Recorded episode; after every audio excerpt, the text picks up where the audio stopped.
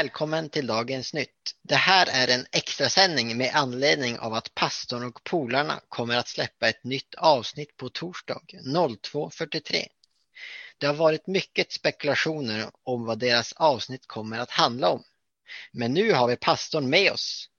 Vi börjar med att fråga, vad kommer ert nya avsnitt att handla om? På grund av sekretess kan jag inte uttala mig om det. Kan du säga någonting om innehållet? Ja, vi har ju i alla fall samma introlåt som vanligt. Ja, okej. Okay.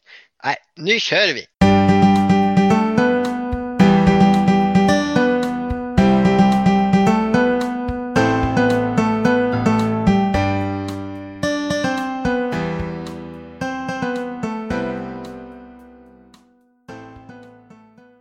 Välkommen till pastorn och polarna.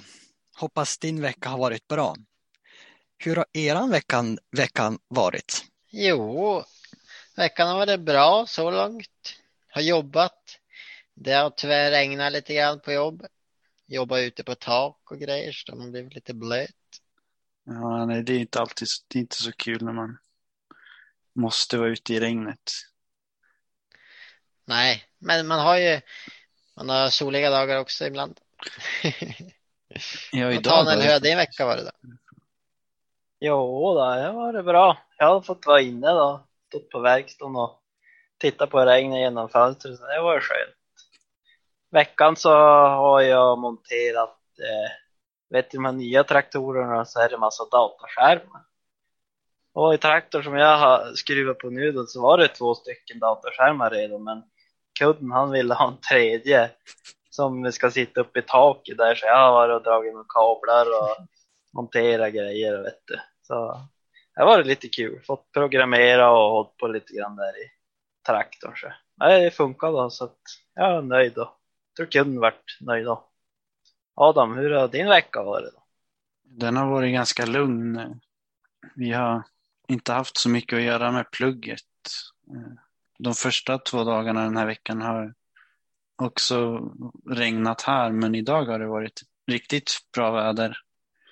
Så jag och några i klassen spelar frisbeegolf. Oj, ja men det är ju riktigt kul. Fick du någon uh, hole in one eller vad man säger? Nej, det var typ hole in ten. Jaha, ja, ja, inte så illa det heller. Nej, det är svårt. Anton, hur har din vecka varit? Ja, eh, jag har skaffat ny bil. Jag har tagit hand om en ny hundvalp eh, ett par dagar och eh, eh, ja, suttit på jobb, läst en del, lite, lite diverse. Ja, men grattis, vad är det för bil då?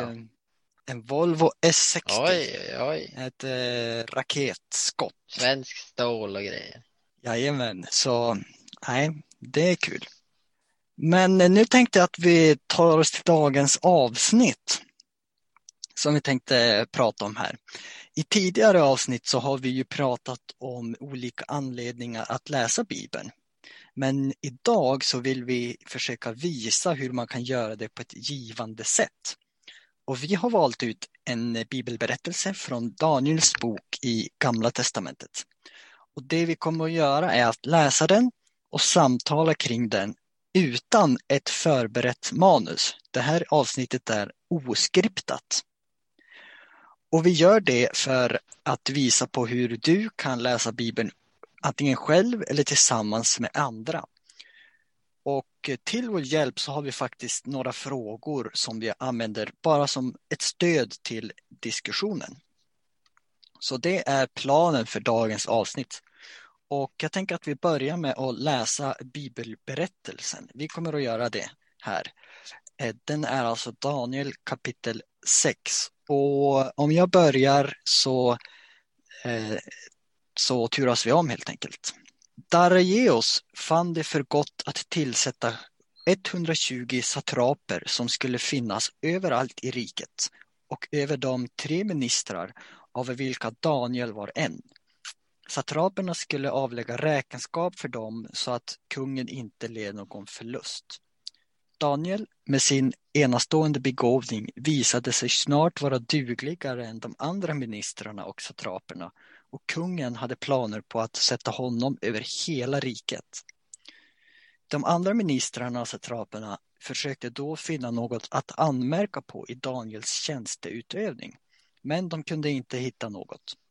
De kunde inte finna något korrupt hos honom eftersom han var pålitlig och varken oärlig eller slarvig. Man fann ingenting mot honom. Till sist sa männen, vi kommer aldrig att hitta något att anklaga denne Daniel för, förutom möjligen något som gäller hans Guds lag. Ministrarna och satraperna gick som grupp till kungen och sa Kung Dareios, må du leva i evighet. Alla rikets ministrar, landshövdingar, satraper, rådgivare och ståthållare har enats om att en kunglig förordning borde utfärdas och ett påbud ges att den som under de kommande 30 dagarna ber till någon annan, gud eller människa, än till dig, o kung, ska kastas i lejongropen.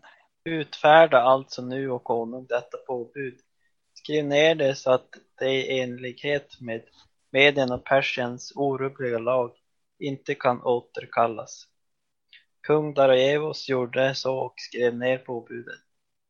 När Daniel fick veta att förordningen var utfärdad gick han hem, där fönstret i övervåningen var öppet mot Jerusalem. Där böjde han knä tre gånger om dagen, bad och tackade sin Gud, precis som han hade gjort. Gruppen av dessa män gick då dit och fann att Daniel bad och åkallade sin Gud. De gick till kungen och tog upp det kungliga påbudet. Har inte du utfärdat ett påbud att den som under de närmaste 30 dagarna tillbe någon annan gud eller människa än dig och konung ska kastas i lejongropen? Jo, svarade kungen. Det är fastställt enligt Medien och Persiens lag som inte kan återkallas. Då berättade de för kungen. Daniel, en av judiska fångarna, bryr sig inte om dig och ditt påbud som du utfärdat, och konung. Han försätter sin bön tre gånger om dagen. När konungen hörde detta blev han mycket bekymrad och bestämde sig för att försöka rädda Daniel. Ända till solnedgången ansträngde han sig för att komma på något sätt att rädda honom. Sedan kom gruppen till kungen och sa Tänk på, kung, att i medisk och persisk lag kan inget påbud och ingen förordning som kungen utfärdar återkallas. Då lät kungen hämta Daniel och kasta honom i lejongropen. Kungen sa till honom, måtte din Gud som du ständigt tillber rädda dig. En sten hämtades och lades över öppningen och kungen förseglade den med sitt eget sigill och sina stormäns sigill så att ingenting skulle kunna ändras när det gällde Daniel. Sedan gick kungen tillbaka till sitt palats och lade sig utan att äta den natten. Han ville inte ha någon kvinna och han låg sömnlös. Kungen steg upp mycket tidigt i gryningen och skyndade sig ut till lejongropen. När han närmade sig gropen ropade han på Daniel med en ängslig röst. Daniel, du den levande Gudens tjänare. Kunde din Gud, som du ständigt tillber, rädda dig från lejonen? Då svarade Daniel kungen. Må kungen leva i evighet. Eh, min Gud sade, min Gud sände sin ängel. Han eh, stängde lejonets gap. Det har inte rört mig eftersom jag har befunnits vara oskyldig in, inför Gud och inte heller har jag gjort något orätt mot dig, o kung. Kungen blev utom sig av glädje och, och befallde att man skulle hämta upp Daniel. När man eh, hade lyft upp Daniel kunde man inte finna någon skada på honom. Han hade litat på sin Gud. På kungens befallning hämtade man sedan de män som hade anklagat Daniel och kastade dem i lejongropen tillsammans med deras barn och hustru. Innan de ens hunnit ner till gropens botten var lejonen över dem och slet dem i stycken. Därefter skrev kung Dareios till alla folk, nationer och språkgrupper i hela riket. Jag önskar er stor välgång. Det är min befallning att man över allt i mitt rike ska bäva och frukta för Daniels Gud. Han är den levande guden som evigt förblir. Hans rike ska aldrig gå under och hans makt tar aldrig slut. Han räddar och befriar. Han gör tecken och under i himlen och på jorden. Han har räddat Daniel från lejonen. Daniel hade framgång under hela Dareios regeringstid och likaså under persen Kyros. Så där har vi alltså berättelsen för dagen. Och nu har vi frågorna här då.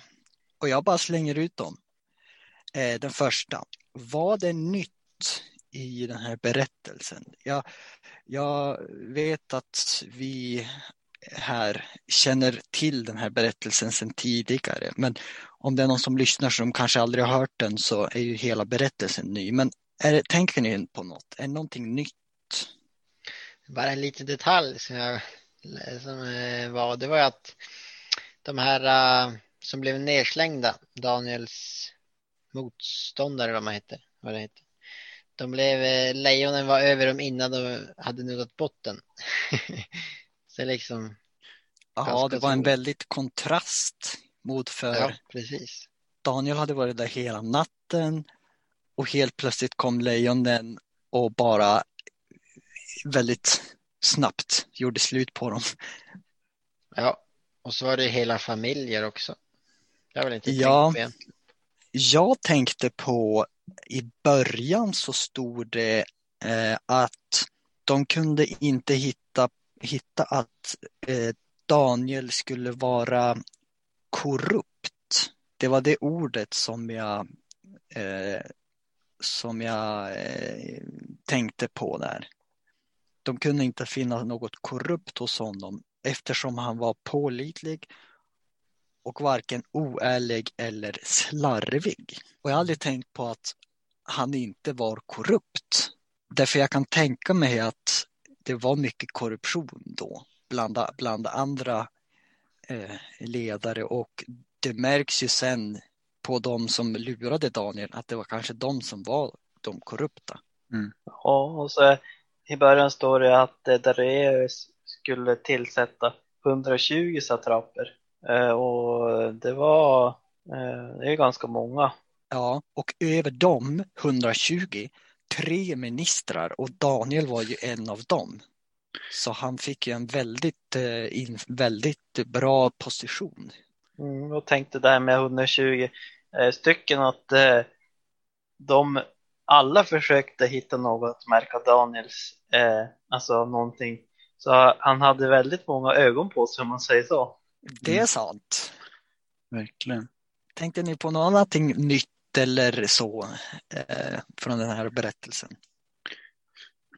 Jag tyckte det är fascinerande nu när vi är inne på det här att de inte hittade någonting som de kunde, eller de hittade inte något fel hos honom förutom att han följde Guds lag. Det är ganska fascinerande. Ja, och de, de gjorde ju så att han gjorde fel. De stiftade ju någon, någon lag så att det Daniel gjorde blev fel på ett sätt. Konstigt att de fick till det liksom. Att inte kungen var klokare, men det... Ja, det kanske var den där korruptionen. ja. Men eh, vi går vidare med, med i den här berättelsen. Va, eh, vad är förvånande eller överraskande? Det är ju som en överra- det är överraskande att han eh, blir slängd ner i en lejongrop och så inte uppäten. Det är, det är överraskande. Ja, En sak som jag blev lite överraskad över som är lite mindre, det är att när, när förstarna kommer till kungen efter att de har hittat Daniel och att han ber. För det står ju i början som vi pratade om tidigare att han var en av ministrarna. Men då benämns han som en av de judiska fångarna. ja just det. Den detaljen missade nog jag. Kan du nämna vilken vers det är så man kan kolla det mer noggrant? Eh, Vers 13. Ja, just det. Kan lä- läs eh, vers 13 då. Det står, eh, då berättade de för kungen Daniel, en av de judiska, kung, judiska fångarna, bryr sig inte om dig och ditt påbud som du utfärdat och kung. Han förrättar sin bön tre gånger om dagen. Det är intressant för att om jag förstår det rätt så det de gör när de påpekar att han är Daniel är en av de judiska fångarna så eh, försöker de eh, sätta dit Daniel och påpeka att han faktiskt inte, alltså han, han är, Värdig. ja att han inte är värdig, precis. Mm. Eh, och att de, de trycker på hans eh, svaga punkt och säger faktiskt kungen, till kungen att minns du att han var en av de fångarna och nu är han här. Varför är han på den positionen Mm. när, han, Ja. när han var fångenskap? Det är egentligen vi som borde vara på den positionen. Intressant. Mm. Ja, det är lite intressant att man, man har en stämpel på, alltså det är lätt att, att eh, till exempel de här, eh, att de liksom, det var ju säkert jättelänge sedan för det här är ju, eh, har ju säkert gått eh, ganska många år sedan man var eh, liksom en fånge då, om man säger så. Ja, det är väl, eh, han är väl en fånge i övre tonåren när, de, när han blir tillfångatagen sägs det i bibelforskning så vitt jag vet. Och det här är ju när Daniel är alltså, ja men tiotals 20 år, tiotals 30 år senare. Så att det har ju gått lång tid, men som du säger, han har kvar, han har kvar den stämpeln och han blir påmind om det av de eh, ledande. Så att, eh, mm. Dessutom så var han ju inte fånget i Medien och Persien egentligen, utan det var ju Babylon som kom. Ja, det är också sant. Precis, för att det är inte samma kung som eh, tillfångatog eh, Daniel eller israeliterna då. Det är också sant. Så det är en helt ny kung. Han är kungen, han ångrar sig verkligen. Men det kanske kommer senare. Att vi kan prata om det. Ja, eh, är det något som du är förvånad över eller som du tyckte var överraskande? Nej, han borde väl. Jag tycker han borde ångra sig. Ja. Men eh, tredje frågan här som jag har är vad förstår du inte? Är det någonting som är ko- alltså, konstigt eller som man inte förstår eller som är, ja, Ja, det är ju lite grann det här med att eh, man, jag tänker i alla fall att man borde ju förstå lite om det kommer flera stycken och ska stifta en ny lag bara sådär rätt upp och ner utan att ha någon speciell anledning. Eller de hade ju det att de skulle upphöja kungen och det, det är klart man blir ju av det. Men det är lite förvånande att inte kungen tänker steget längre eller lite mer. Ja, jag förstår inte hur man kan vara så dum för att säga så. Men vi är väl lika dumma ibland så att ju...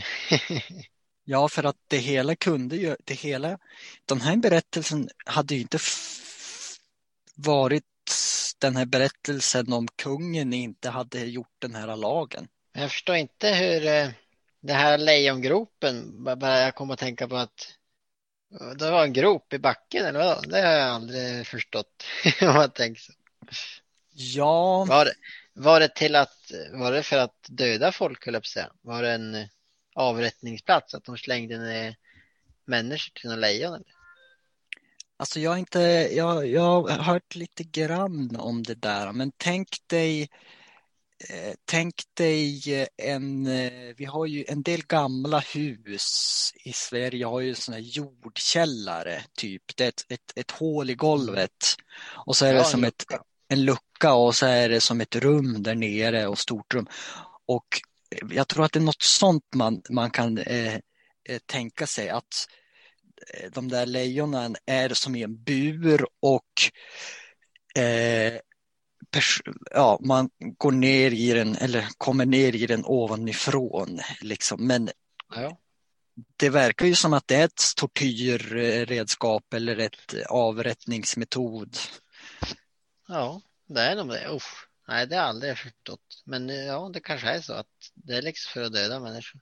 Ja, De kanske, de kanske matar dem med kött eller sånt där just de levde och så hade de till det människor. Nej, uff. jo, det är ju hemskt. Det är ju hemskt att Det är ju tänka. riktigt hemskt. är det något mera som på frågan här som vad förstår du inte?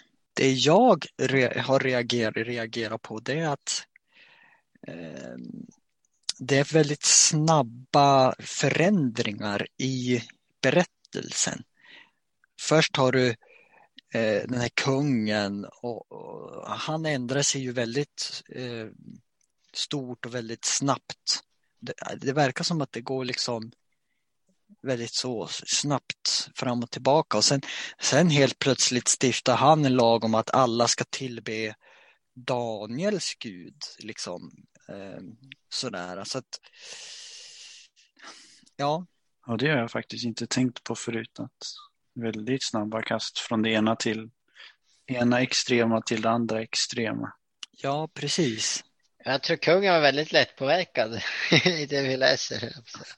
Ja. ja, det är den känslan man har lite grann. Samtidigt var Daniel inte lätt påverkad här eftersom att Nej. han fortsatte ju precis som normalt med sina, med sina böner där i, tre gånger om dagen till Jerusalem. Så att han gjorde ju precis som han alltid hade gjort men det är ju kungen som är den som vände kappan efter vinden. Utifrån det skulle man kunna spekulera i att var det Daniel som höll riket i schack eller vad man ska säga, stab som var den stabila punkten och att det var därför som han var så populär. Jag tror att det är en eh, inte alltför dum spekulation eftersom att nu, nu har det gått som vi sa x antal tio år. Daniel är fortfarande på en hög position i kungariket och om man läser, nu gör vi inte det just idag, men läser man innan i Daniels boken så ser man också att han har, han, han är i den liksom höga samhällsskiktet redan då, så det kan mycket väl vara. Vet man hur många, hur länge liksom, hur gammal han var och hur länge han hade jobbat om man säger så? Som... Nej, inte så mer, eh, mera precis, men eh, han levde ju och det står ju, det sista står ju där att Daniel hade framgång under hela Dareios regeringstid och likaså under persen Kyros. Och då måste man ju se hur länge regerade de kungarna? Och då vet man att i alla fall så länge var Daniel vid liv. Men det vet jag inte några siffror på, men det är liksom, vi, vi pratar om decennier, alltså vi pratar om mm. lång tid. Mm. Och det som du säger, det kan bidra till stabilitet mycket väl. Mm. Eh, vi går eh, vidare här. Nu kommer vi till lite, lite mera applikation och vad kan vi göra av det här, det vi läser. Vad kommer du att tillämpa eller lyda? Eller, eller liksom hur kan vi ta det här till våra liv idag? Kan man fråga sig också. Ja, först och främst är det ju Daniel då, eh, att han liksom står fast vid det.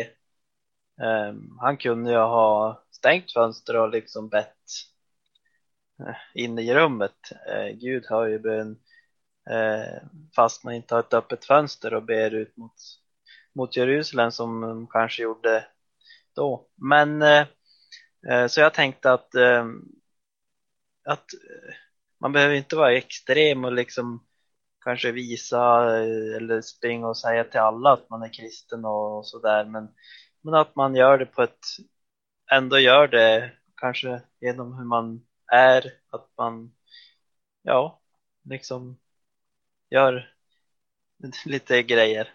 Mm. Man gör inte för att provocera någon utan bara för att visa sin tro. Ja, precis. Ja, som någon frågar så ska man inte dra sig undan.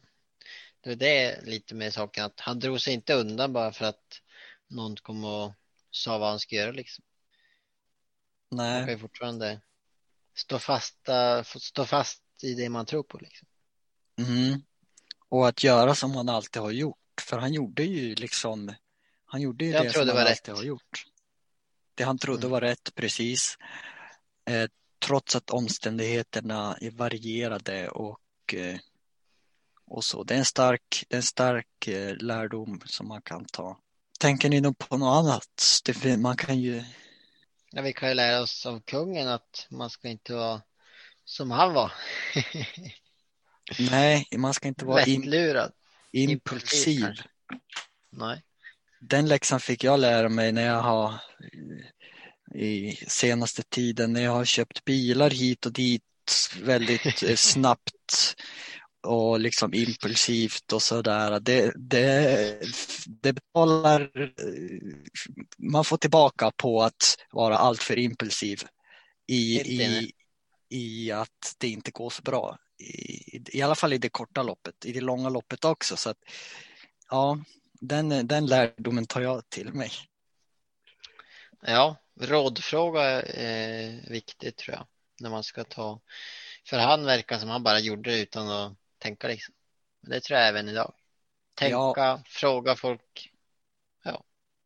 Och han följde ju på ett sätt grupptrycket eh, från de som han trodde han kunde eh, lita på. Och det var ju trots allt ministrar och, och sådana där som, som, han, som han... Det var inte vem som helst bara som sa att han skulle göra det och det och det. Men det behöver man ju vara också noga med att, att eh, liksom inte bara köpa allt som alla säger, även om de har en bra position och eh, status och allt sånt. Vi närmar oss slutet här för dagens avsnitt. Vi har en fråga till, den kan vi ta lite kort. Vad kommer du att dela från berättelsen med någon denna vecka? Och poängen med den frågan är att om det finns något som du eh, skulle kunna liksom eh, berätta för någon eh, under veckan, om ni har ett samtal eller så. Vad tänker ni? Jag eh, tänkte på, om man ser lite, lite, eh, om man zoomar ut lite grann och ser liksom, eh, om man bara tar det, eh, så har vi Daniel och han är trofast mot Gud. Ehm, men eh, han liksom, han, eh, det är ju liksom, det är ju ett motstånd och han vet ju den här lagen som de har kommit fram med, det var nog inte tyst om den utan han visste nog vad som skulle hända om han eh, gick emot det och ändå så eh, gjorde han det fast han visste att, eh, att framtiden så, såg mörk ut då. Men han litade på Gud och Gud hade en lösning. Och det är något som eh, kommer igen i Bibeln att om man litar på Gud och lägger 100% av sitt liv i hans händer så, så kommer det att ordna sig även fast det ser svart ut. Det låter bra. Det låter som att vi kan avrunda med de, de eh, tankarna här. Fina, ja, fina ord. Precis. Tack för att ni har lyssnat. Hoppas att ni blev inspirerade att läsa Bibeln.